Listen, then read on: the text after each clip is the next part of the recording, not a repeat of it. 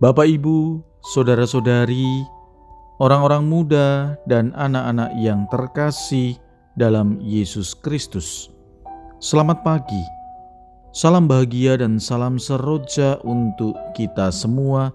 Berkah dalam bersama dengan saya, Romo Antonius Garbito Pambuaji, menyampaikan salam dan berkat Allah yang Maha Kuasa dalam nama Bapa dan Putra dan Roh Kudus. Amin.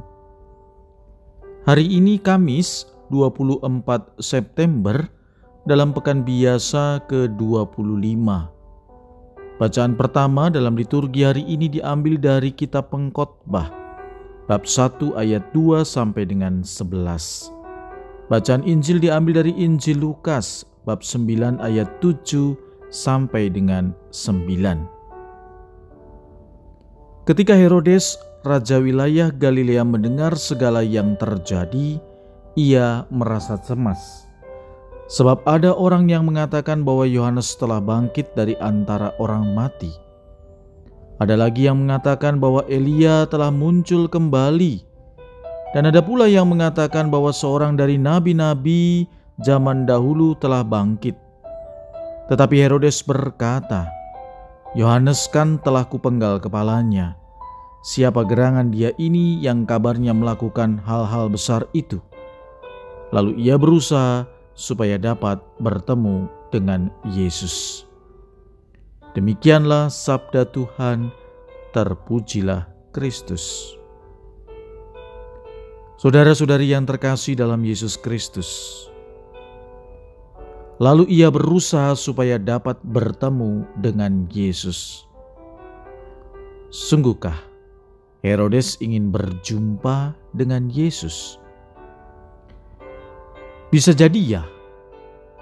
Namun mengapa ia ingin berjumpa dengan Yesus?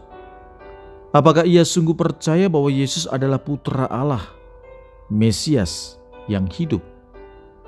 Jelas bukan. Herodes kaget dengan segala hal ekstraordinari yang dilakukan Yesus.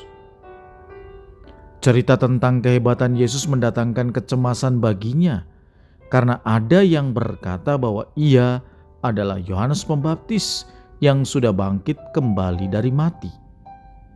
Ia cemas, jangan-jangan Yohanes datang membalas dendam dan membunuh dia.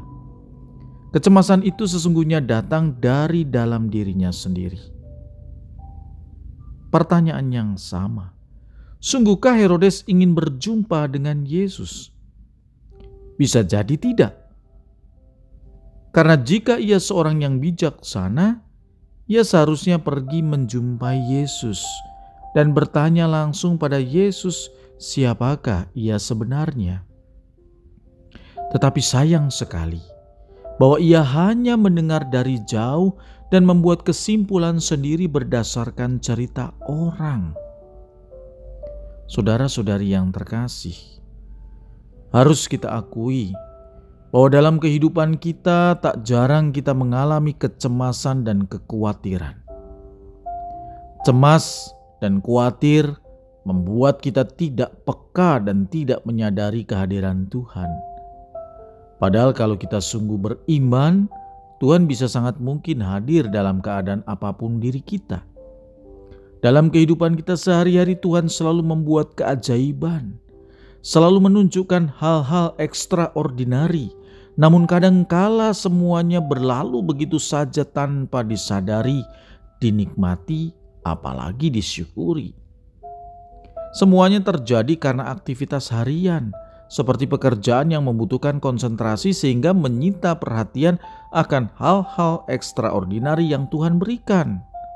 Apalagi jika hati, perasaan, dan pikiran terbelenggu oleh hal-hal seperti persoalan-persoalan, kecemasan, kegelisahan, kekhawatiran, dan lain-lain akan membuat kita semakin tidak menyadari akan keajaiban dan berkat Tuhan dalam hidup. Tuhan selalu membuat keajaiban, selalu menunjukkan hal-hal yang luar biasa, namun kita sering menutup mata hati sehingga tidak melihat, tidak menerima, dan tidak memahami berkat yang diberikan. Oleh sebab itu, mari kita membuka mata hati untuk melihat keajaiban yang Tuhan berikan pada kita. Karena Tuhan berkarya tidak saja dalam hal-hal yang besar, namun sering terjadi dalam hal-hal yang kecil. Marilah, saudara-saudari yang terkasih, kita harus yakin bahwa Tuhan senantiasa membantu kita dan menginginkan kita untuk menjadi murid-muridnya yang mau membuka hati, melihat keagungan Tuhan, melihat tanda keajaiban yang Tuhan berikan dalam kehidupan dan aktivitas harian kita. Jangan menjadi seperti Herodes yang penasaran tetapi tidak mau datang kepada Dia. Marilah berdoa. Ya Tuhan, mampukan kami untuk mampu mengerti kehadiran-Mu dalam setiap situasi hidup kami. Semoga karena kesadaran akan karyamu, kami semakin mampu melayani dan mengasihi sesama. Semoga kami semakin mampu menjadikan apa yang kami miliki sebagai sarana mengasihimu dan sesama. Berkat Allah yang Maha Kuasa, dalam nama Bapa dan Putra dan Roh Kudus. Amin.